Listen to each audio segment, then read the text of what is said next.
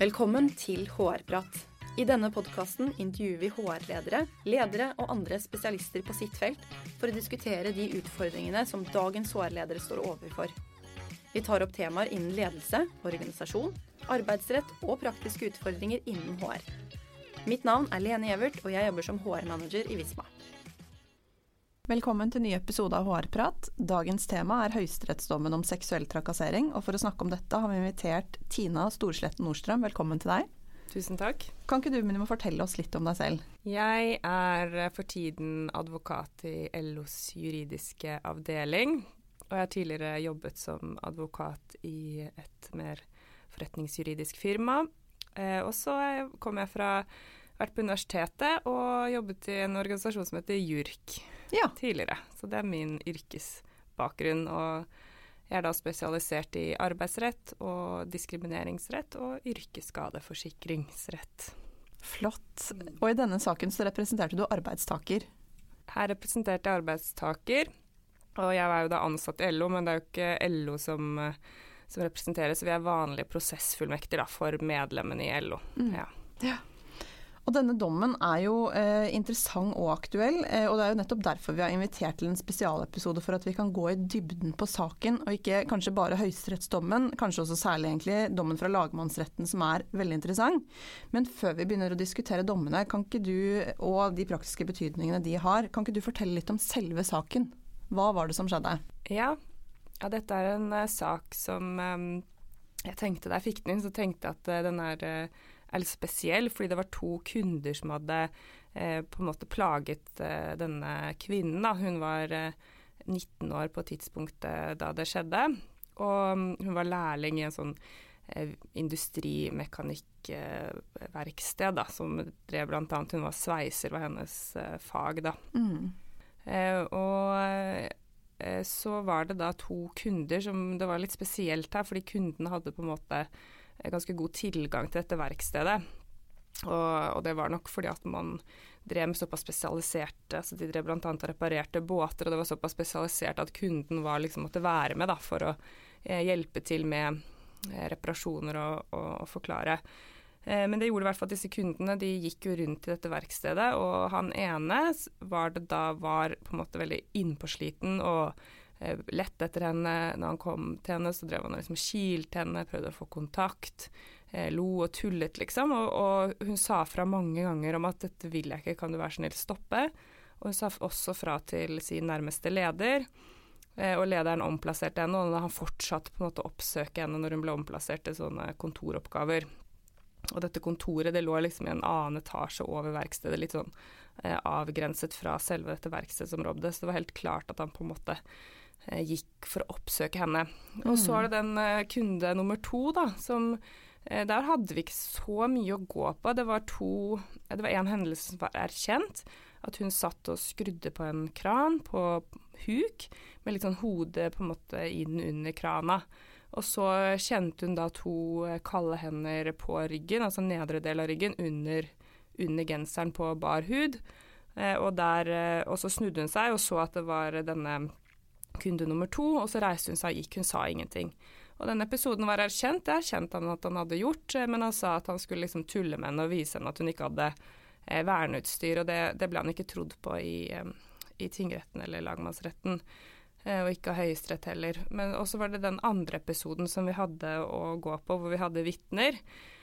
Det var en episode hvor han, hun skulle gå fra mm, pauserommet til garderoben, og da sto han i døråpningen, og så tok han liksom frem hånden og lot som han skulle ta henne i skrittet.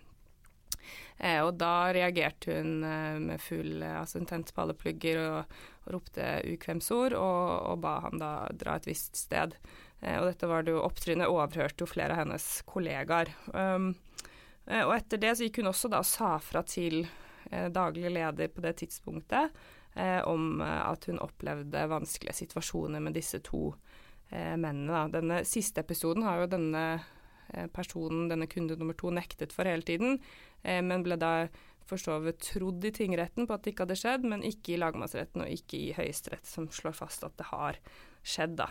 Mm. Ja, så det, det er liksom faktum i de sakene. Så gikk hun da til daglig leder først, og han eh, han hørte på henne, og han trodde på henne, og han liksom, hadde oppfølging. og Han omplasserte henne for en periode inn i disse kontoroppgavene. For en periode, altså var det liksom ok, da er du på kontoret i dag, eller var det liksom da Nei, det var en lengre periode. Ja, de hadde akkurat i denne saken så hadde de en sykemeldt eh, som var i administrasjonen. Ja. Eh, og hun her eh, klarte å håndtere de arbeidsoppgavene, så da, eh, da, var det liksom en lengre periode hun ble satt der da, liksom for å roe seg. Eh, for hun var veldig plaget av dette. Mm. Eh, og, og, så stoppet liksom ikke de kundene å komme, og han involverte da verneombud og verksmester. Eh, og, og, men disse kundene på en måte han, han fikk, Hun fikk liksom ikke fred fra dem, så da gikk han Han gjorde et drastisk skritt. Han gikk da til de arbeidsgiverne til disse to kundene eh, og ba om at de skulle sende andre til verkstedet enn de to spesifikke personene. Ja. Um, ja, og så Det fungerte jo veldig godt for denne kunde nummer to, som da ikke kom tilbake, men for denne kunde nummer én, han som på en måte hadde en veldig sånn slitsom oppsøkende Han som drev og kilte, han Eh, han um, fungerte det ikke for, han kom tilbake, og han ble da liksom fulgt ut mange ganger. Og, ja. og de, hennes kollegaer, etter hvert som det ble oppmerksom på dette, slo litt sånn ring rundt henne og, og hjalp henne med å på en måte støtte henne, da. Så er det jo på en måte arbeids, Arbeidsmiljøet blir også dømt i lagmannsretten, det sa de jo innledningsvis. Mm. Eh, og det var ikke, det var ikke pga. handlemåten til denne første daglige lederen. Fordi eh, denne jenta, eller kvinna, hun opplevde jo det som veldig trygt, det som han gjorde. Mm. Eh, men så var det et bytte av daglig leder. Okay. Og den nye daglige ja, lederen tenkte, Det høres ut som at han liksom har virkelig gjort noen ting her riktig. ja, ikke sant. Og, og, det var jo Han gjorde jo ikke sånn han, Altså hans handlemåte ble også, altså det ble også dømt som uh, utilstrekkelig, egentlig, fordi man ikke oppfylte lovens krav, og det kan vi ja. komme litt inn på etterpå. Men, men, for henne så var det nok. Det hadde ikke blitt noe sak mot arbeidsgiver hvis denne daglig leder 1 hadde fortsatt. Mm. Men det som skjedde, og det som er litt interessant i denne saken, det er jo da at det var et bytte av daglig leder, og en daglig leder da som syntes at hele metoo-greia var noe oppspinn, tror jeg. så han, eh, han syntes ikke dette var noe, og, og, han opphevet da liksom disse tiltakene. Og han gjorde da ikke noe mer og lot disse kundene komme tilbake. Og han prøvde liksom å ha noen sånn oppvaskmøter, men det, jo, det, var jo mot sin hensikt, ikke sant, for han innkalte disse mennene da til personlige møter med henne og sånn. Og, og det var jo bare krevende for henne. Mm. å, å være med på, og det endte da i sykemelding, og til slutt at hun valgte å Eh, opplevde ikke noe støtte og valgte da å søke ny jobb og bytte jobb. Ja. Du nevnte jo, Det er jo spesielt at det var kunder, altså det er jo litt sånn spesielt ved denne saken. Eh, men allikevel så er den jo kanskje ikke helt unik. Hva er det som egentlig har gjort at denne saken nådde helt til Høyesterett? Ja, jeg begynte med å si at jeg syntes det var spesielt at det var kunder, men etter hvert nå som jeg har satt meg liksom mer inn i, i hvert fall for Høyesterett, så setter vi oss ganske godt inn i på en måte forskningen og litt bredere da enn bare juss. Eh, og da har, vi den siste levekårsundersøkelsen fra eh, SSB, altså Statistisk sentralbyrå, viser at faktisk 79% av de som opplever seksuell trakassering, opplever det fra eh, andre enn ansatte på bedriften. Altså ja. kunder, eh, pasienter, klienter. Eh, andre som bruker da virksomheten. Det, så det gjør jo at dette er ikke så unikt. Det er dette som stort sett skjer. Eh, ikke sant? Så, men hvorfor denne, denne saken havnet til Høyesterett? Eh, det var nok fordi det ble litt steile fronter da, i saken. Eh, som gjorde at vi ikke havnet i forlik, som vi gjør, som vi gjør i 99% av disse sakene. De, de løser seg fordi det er, det er sjelden snakk om store økonomiske eh, utgifter, og da vil jo veldig mange parter tenke at de er bedre tjent med å betale seg ut av det. Mm. Eh, og når man da betaler ut erstatningen, som i sant, disse sakene lå jo det på 15 og 20 000 da, mot disse to kundene, og da da vil jo mange tenke at det er lettere å betale 15 000 enn å stå tre år og, og få bretta ut hele alt i Høyesterett, for å si det mm. sånn. Det, eh, det, skjedde ikke i denne saken, det ble litt steile fronter. Og så er det jo selvfølgelig det at eh, denne kvinnen var jo medlem av Fellesforbundet, og Fellesforbundet støttet jo henne økonomisk med Altså betalte jo da for kostnaden til advokat som hun selv hadde, og, og tok jo også ansvaret for eventuelt kostnader eh, som motparten hadde dersom det ble idømt. Ja. Eh, slik at hun hadde jo ikke noen Hun hadde jo ingen risiko for å betale noe, betale noe mer enn selvfølgelig hun investerte jo mye tid og krefter i dette her, men ikke noe økonomiske mm. midler, da. Ja. Det er jo veldig typisk for disse sakene, at hvis du ikke har et fagforbund i ryggen, så er det ganske krevende, rett og slett, å komme og gå videre. Mm. Ja. I Høyesterett så handlet det, slik jeg har forstått, kun om egentlig som hva er seksuell trakassering, og disse dommene setter jo ofte en presedens. Bør vi nå ha en annen forståelse av seksuell trakassering, og hva bør vi da eventuelt legge i det begrepet? Jeg, jeg tenker at svaret på det egentlig er nei, for jeg har egentlig tenkt at det er ganske klart hva som er seksuell trakassering. Men eh, denne prosessen som jeg har vært igjennom med denne saken, viser at det kanskje ikke er så er så klart, da, i og med at vi hadde tre fagdommere i lagmannsretten som mente at eh, disse episodene Det var særlig altså den der, han som har drevet og skilt og plaget og forfulgt og sånn, han, det har vært klart hele veien, vil jeg si. Der har mm. ingen av domstolene vært i tvil. Eh, men for han som la disse hendene på ryggen og senere liksom strakte hånden ut mot skrittet hennes, eh, så var jo lagmannsretten mente at ikke det var nok til å på en måte eh, gå over terskelen da, til sex, mm. at det var plagsom oppførsel og sånn, men det var ikke seksuell trakassering. Eh, og der var det jo der vi fikk medhold av, av Høyesterett. Men, men, for å si noe mer om hva som ligger i seksuell trakassering, så, så er det jo sånn at seksuell oppmerksomhet er jo lov. Det er jo ikke forbudt. Det er jo sånn vi finner hverandre og, og vi flørter, og det er en del av samhandlingen mellom eh, mellom to mennesker, eller, eller flere for så vidt. Mens det er først når den seksuelle oppmerksomheten blir plagsom og uønsket, eh, at den ikke er lov. Eh, og da eh, er det jo sånn at i det så ligger det jo på en måte en litt sånn man begynner på en måte med ok, hva, hvis jeg skulle liksom flørta med deg alene, så, mm. så syns du det er greit til et visst punkt, på en måte, men så syns du det ikke er greit lenger. og det er jo en, en, en vurdering inni deg, hva du syns er greit, og hva jeg syns er greit. Vi har forskjellige vurderinger.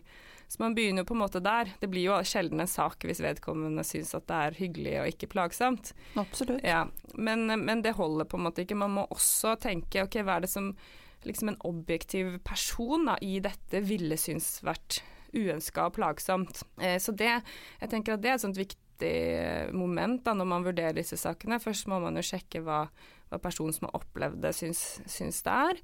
Eh, og så må man tenke liksom, ok, hva vil en alminnelig fornuftig person ansett som uønsket og plagsomt? Og det som er litt sånn spesielt med newsen er at man skal ikke bare tenke hvilken som helst person, man skal tenke en kvinne. Ok. Ja, fordi, og det står i forarbeidene, og det sier Høyesterett, at man skal legge liksom en kvinnes vurdering til grunn. Hva som er seksuell, hva som er uønsket, og hva som er plagsom.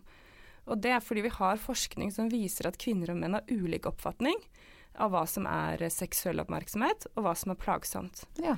Eh, og så har også kvinner eh, eh, og menn opplever det i forskjellig Altså kvinner blir utsatt for mye mer uønska seksuell oppmerksomhet enn menn, eller får rapporterer om det. Mm. Eh, så derfor har man sagt at det er liksom ikke Det er ikke bare en alminnelig fornuftig person, man skal, man skal vurdere hva en kvinne ville oppfatta. Ja, Det var jeg faktisk ikke klar over.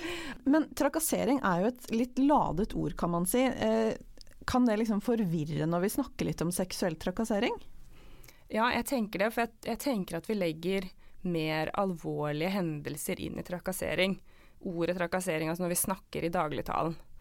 Men det, men det, er det altså. Det er denne uønskede, plagsomme seksuelle oppmerksomheten og, som er eh, det som er seksuell trakassering i lovens forstand. Så det er forbudt, da, selv om ikke selv om ikke det, liksom disse hendelsene man ville kanskje kalt det trakassering, som hvis vi snakket sammen som venner eller som kollegaer, eh, så vil man rettslig sett da, eh, havne inn i seksuell trakassering når terskelen for uønsket seksuell oppmerksomhet er overtrådt. Da. Mm.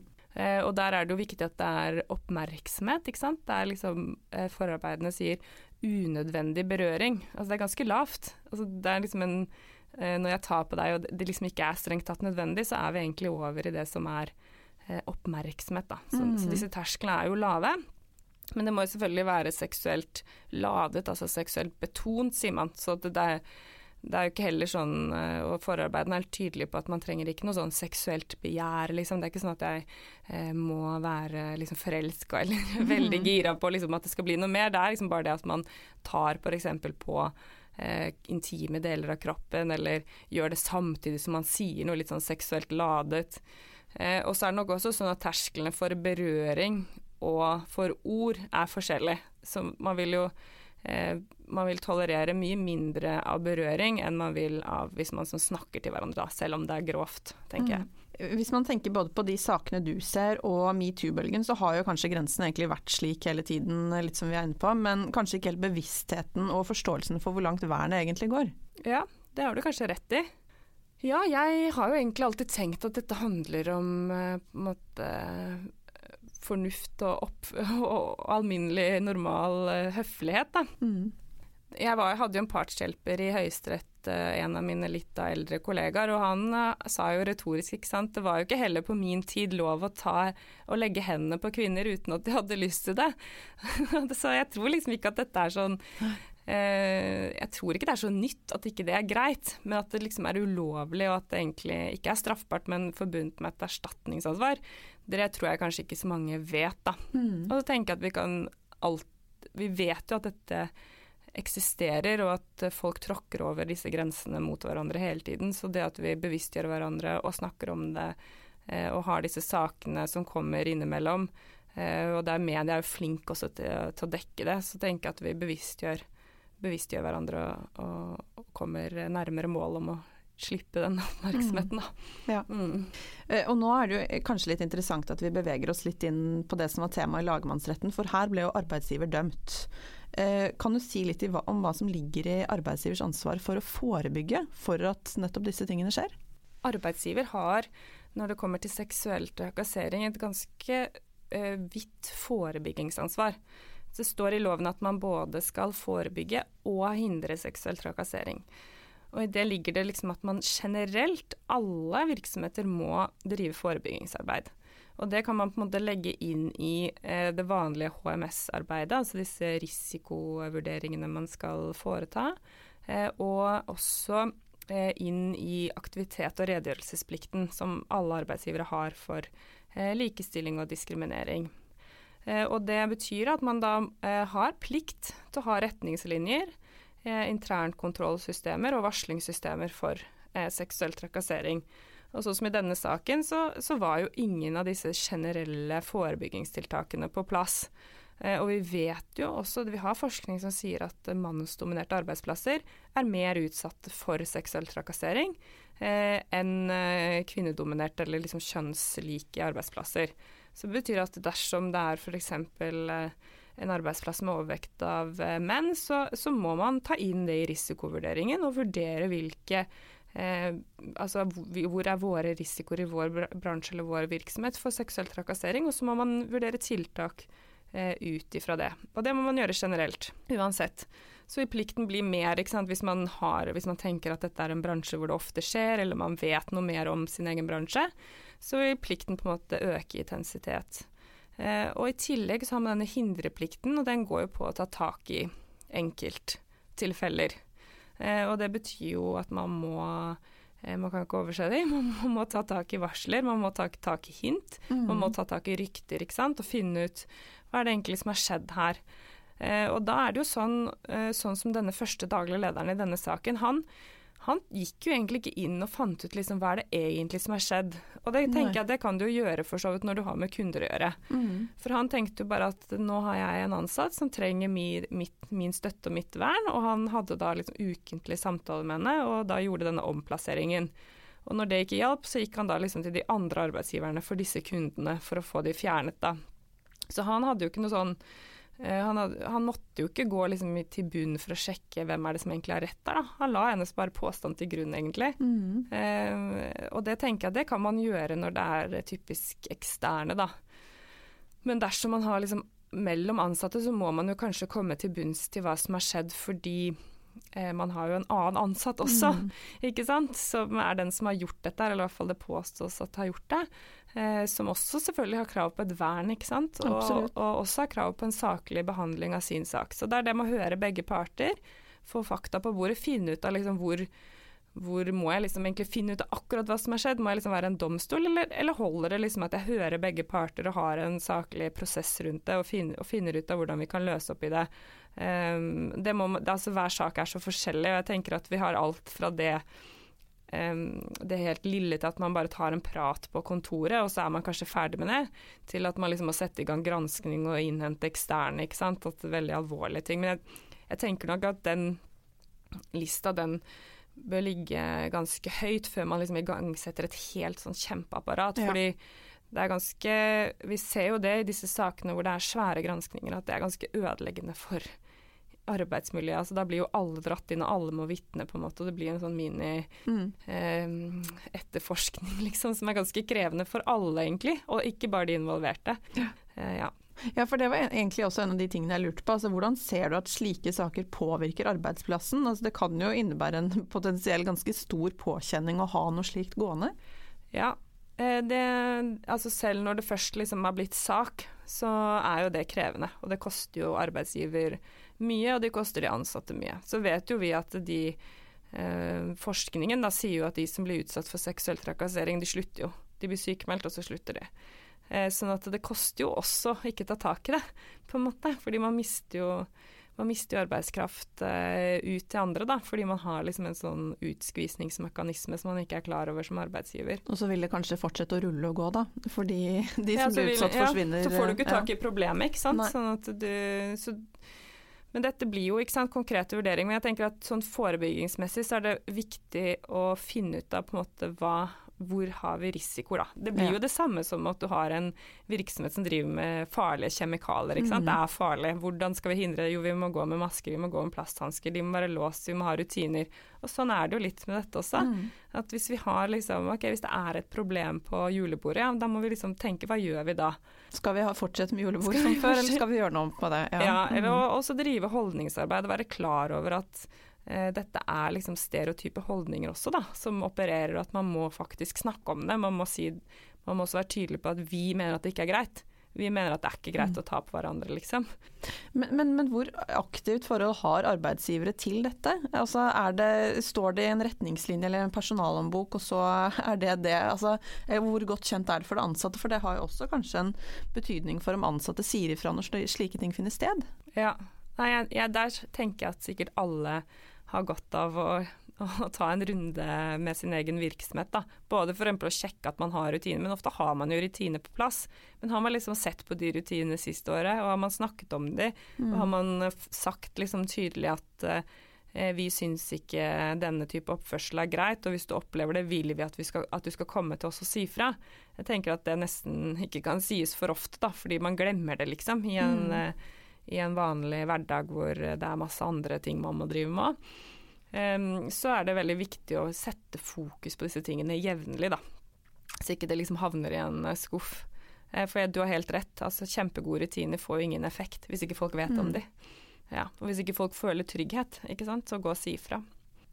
Men gitt at arbeidsgiver overholder plikten til å forebygge, eh, og det dukker opp en sak sånn som den vi har snakket om her nå, altså hvordan, eh, vi har vært litt inn på det, men hvordan bør arbeidsgiver da behandle slike særtilfeller når de finner sted? Hvordan skal man liksom gå frem med å undersøke bevis og, og iverksette tiltak? Ja, jeg tenker jo egentlig at man må, man må snakke sammen, da. At det er det aller viktigste. Og så må man liksom være et medmenneske og ikke et motmenneske.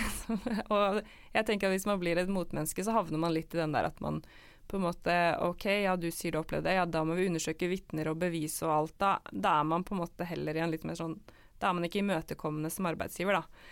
Så man bør være et medmenneske, man bør lytte og høre på den personen som kommer med varselet.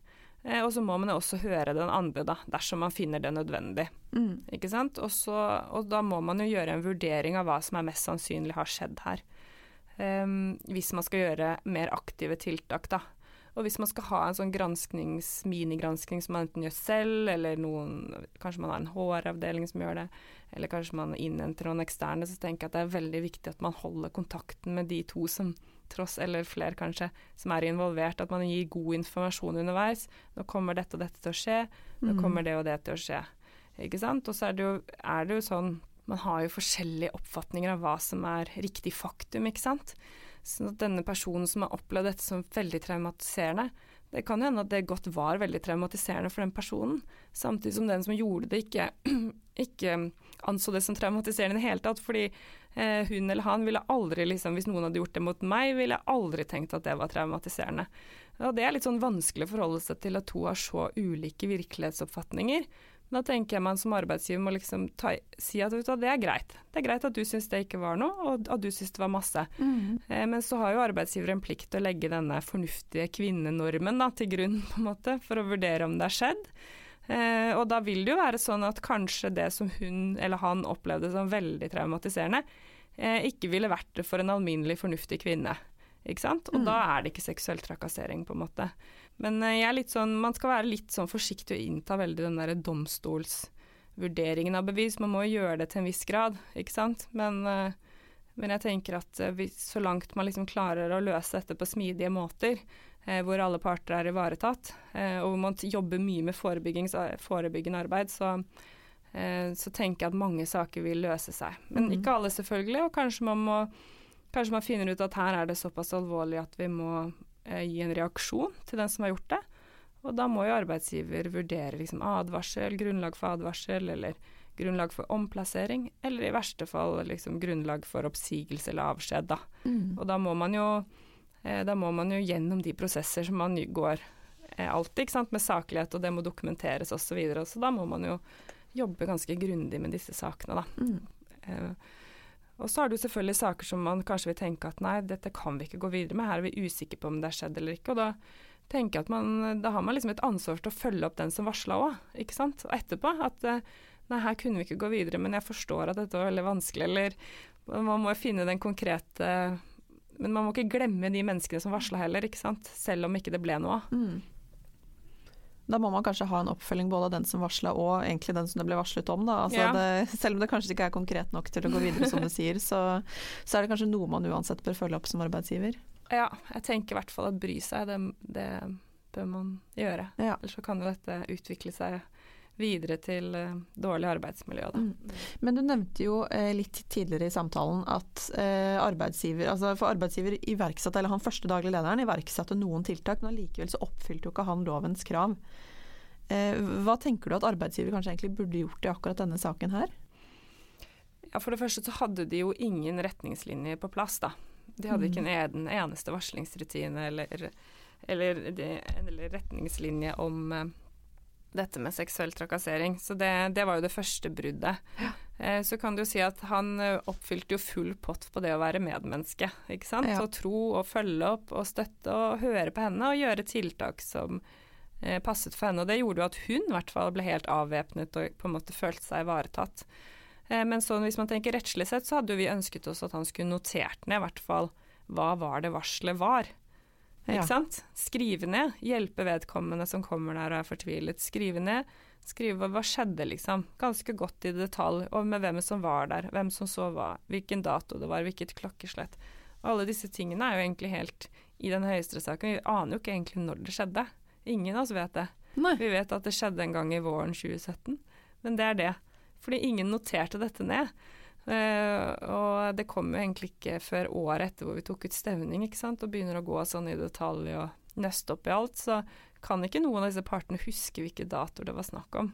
Det er kanskje hovedfeilen det han gjorde, at han burde ha liksom fulgt en mer sånn formell prosess, da, Mm. hvor han satte ned varselet og liksom varslet også styret, f.eks.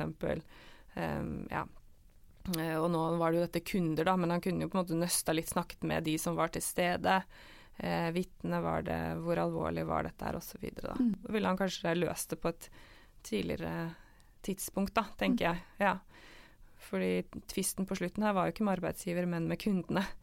Ikke sant? Og da ville man jo, hvis man hadde mer dokumentert tidsnært, så ville jo kanskje denne kunde to Um, enten gitt seg på at det skjedde, eller uh, hatt, hatt også mer dokument, dokumentasjon for hans del, at det ikke skjedde. Ja. Ja. Mm. Basert på det vi har diskutert her i dag, hvilke tre råd vil du gi til HR-lederne som hører på, for å oppsummere litt avslutningsvis nå? Ja, da er mitt eh, første råd det er eh, stopp, pust og tenk. Ja. Det er sånn betryggende å høre. Man blir jo litt sånn eh, Ja, det, er jo ingen som akkurat drømmer om å få disse sakene på bordet. Nei, jeg tenker at det gjelder i veldig mange saker, men eh, altså, sånn litt overivrig handling i en eller andre retningen kan ofte slå litt feil ut.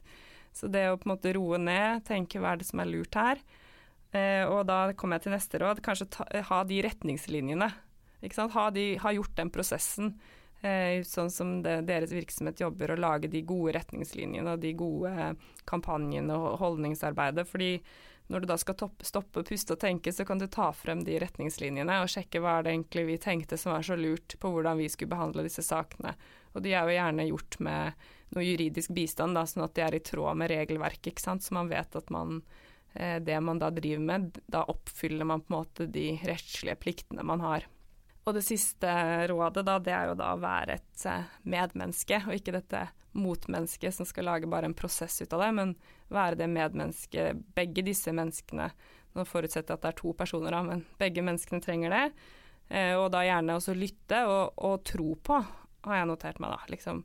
Eh, og det gjelder jo Man kan på en måte tro på en, eh, tro på en forklaring, i hvert fall selv om man sier at det må vi sjekke ut, på en måte, og jeg eh, tror på deg, eller altså Det kan jo være litt vanskelig hvis det er to ansatte, da. Da må man liksom vekte sine ord, i hvert fall. Men i hvert fall lytte og være imøtekommende og si at vi lytter til din historie, mm. eh, begges historie. Eh, og så får man se liksom hva disse undersøkelsene av de forskjellige bevisene i saken etterpå eh, munner ut i, da. Ja. Mm. Tusen takk for gode råd, og tusen takk for at du kom. Ja, takk for at jeg fikk komme. Og til deg som hører på, vi prates. Hvis du har temaer eller spørsmål du ønsker vi skal diskutere, send oss gjerne en mail på hrprat.visma.com. Og for flere episoder, sjekk ut visma.no slash podkast slash hrprat.